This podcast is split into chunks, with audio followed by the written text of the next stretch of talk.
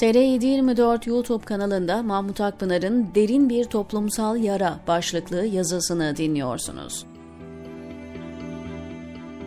7 yıldır yaşadığım Batı'nın neden gelişmiş olduğunu analiz etmeye çalışıyorum. Binlerce sebep sayılabilir. Ama en önemlisi olumsuzlukların üstünü örtmeyip tekrar etmemesi için tedbirler almaları. Buna dair gelişmiş ülkeler neden gelişmiş diye bir makalede yazmıştım medeni dünya bir trafik kazası olduysa onu analiz ediyor, sebeplerine iniyor, hataları düzeltiyor. İngiltere'de 20-30 yıl önce ırkçılık nedeniyle yabancıların dayak yemeden çıkamadığı ırkçı mahalleler olduğu anlatılır. Yemek dağıtan şoförler belirli bölgelere gitmekten korkarmış. Zira yemeği ve paralarını alır, üstüne de dayak atarlarmış. Ama Birleşik Krallık ırkçılıkla etkin mücadele için düzenlemeler yapmış, ayrımcılığı ağır şekilde cezalandırmış ve vakalar bitirilmiş. İngiliz holiganların ne kadar fanatik olduğunu, ölümcül kavgalar çıkardığını tüm dünya bilir. Ama futbolun ülkesi İngiltere sonuç getirici tedbirlerle holiganlığı bitirmiş. Hayatımın ilk profesyonel maçına Birleşik Krallık'ta gittim stat'taki hoşgörü tablosuna, maçın aile etkinliğine dönüştürülmesine, rakip takımın alkışlanmasına hayran oldum.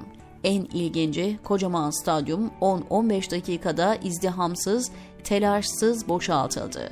Avrupa'nın ders çıkardığı önemli konulardan birisi de Hitler tecrübesidir.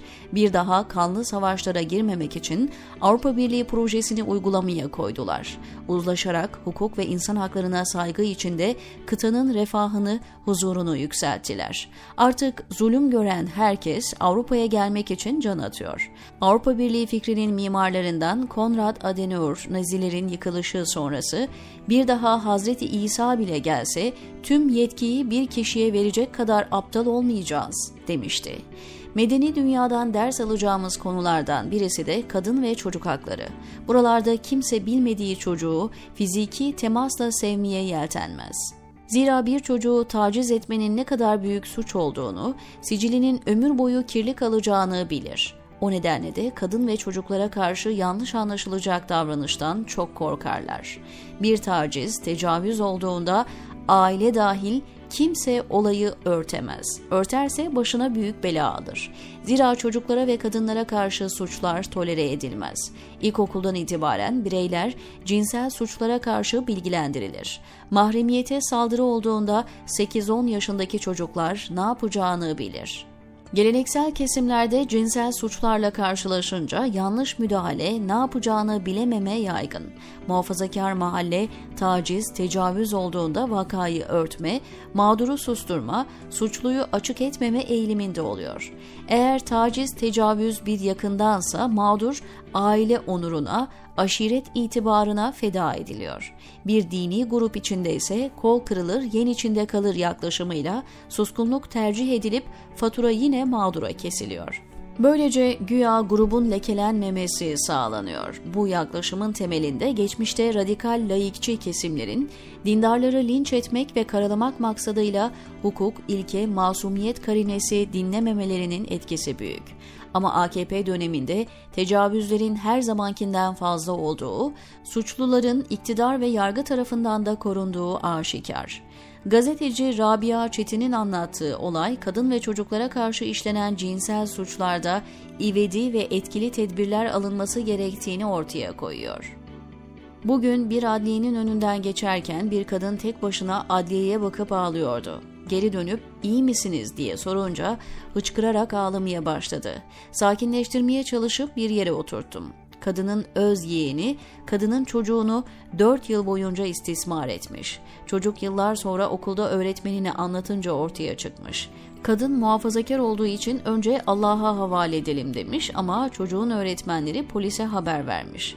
Dava açılınca çocuğun bir büyüğü tanık olarak dinlenecekken büyük de aynı adamın istismarına maruz kaldığını söylemiş. Böylece ikinci bir dosya açılmış. Kadının iki çocuğu teyzesinin oğulları tarafından istismar edilmiş ve dava sürüyor. Kadın muhafazakar bir semtte yaşadığı için kimseye bir şey anlatamadığını söyledi. Eşinin ailesine de anlatmamış. Kendi ailesi de tarafsız durmaya karar vermiş. Kadının eşi travmayla başa çıkamadığı için duruşmalara gelmiyormuş ama çocuklara da baskı uygulamaya başlamış. Kadın ısrarla çocuğunun durumunu fark edemediği için kendisini suçluyor. Çocukların tehdit ve korkudan dolayı bu tür istismarı yıllarca anlatamadığını söylemeye çalıştım. Burada çocukların istismara uğraması kadar kadının bu kadar yalnız bırakılması da korkunç. Bunun ağırlığı altında eziliyor, davadan vazgeçmek istiyor. Allah'a havale ettim diyor. Bunu yaparsanız başka çocukları da istismar edebilir, vazgeçmeyin dedim.'' ama çok yalnızım dedi. Kadın ısrarla kendisini suçlayınca yapmayın. Çoğumuz çocukken yaşadık. Anlamamız, anlatmamız yıllar aldı dedim. Bunun üzerine yine ağlayarak ben de yaşadım çocukken. İlk kez birini anlatıyorum dedi. Karşı tarafta muhafazakar olduğu için Kur'an'a el basmış, etrafını bununla inandırmış yapmadığına. Bir kadın ve iki çocuk istismar mağduru o lanet olası toplum baskısından, korkusundan yalnız. Çok üzgünüm, öfkeliyim diyor. Paylaşımda muhafazakarlık ve tecavüz meselesinin sıkça ve yan yana vurgulanması bir ön yargı içeriyor mu emin olamadım. Bir defadan bir şey olmaz. Küçüğün rızası vardı.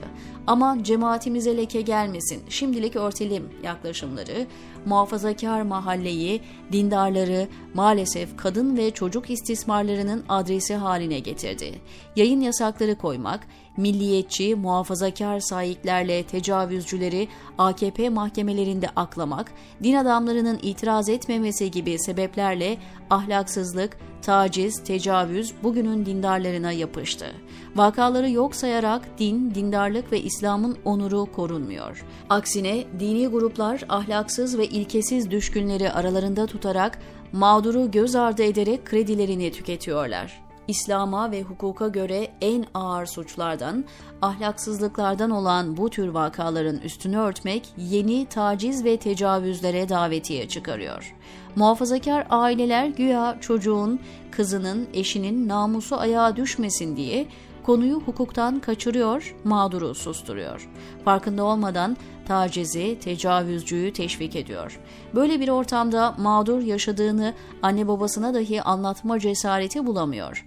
Tecavüzcülerse açığa çıkmayacağını, ceza almayacağını düşünerek suçu daha cüretkar işliyor. Bu tür durumlarda her şeye rağmen mağdurun yanında durmak ve güvenip destek olmak çok önemli kız veya erkek çocukların böylesi tehditlere karşı korunması ve uyarılması ebeveynlerin temel görevlerindendir. Bu problem bütün toplumlarda var. Geleneksel toplumlar konuyu tabulaştırıp üzerine örtme eğiliminde oluyor. Ancak dünyanın problemlerini çözme, Müslümanlara ve insanlığa adalet, huzur getirme iddiasındaki dini grupların böylesi iğrenç, ağır suçları örtmesi, yüzleşilmesi gereken bir durum. Hangi toplumsal grupta olursa olsun konu adli mercilere intikal ettirilmeli. Orada çözülmeli kol kırılır, yen içinde kalır demek de suçun şahsiliği ilkesini ihlal ederek bir kesimi toptan suçlamak da bizi buralara getiriyor. Kadın ve çocukları taciz ve tecavüzlere karşı korumak için bu konuları ideolojik çatışma, husumet bağlamından çıkarıp insan hakları bağlamında ele almak gerekiyor diyor Mahmut Akpınar TR724'deki köşesinde.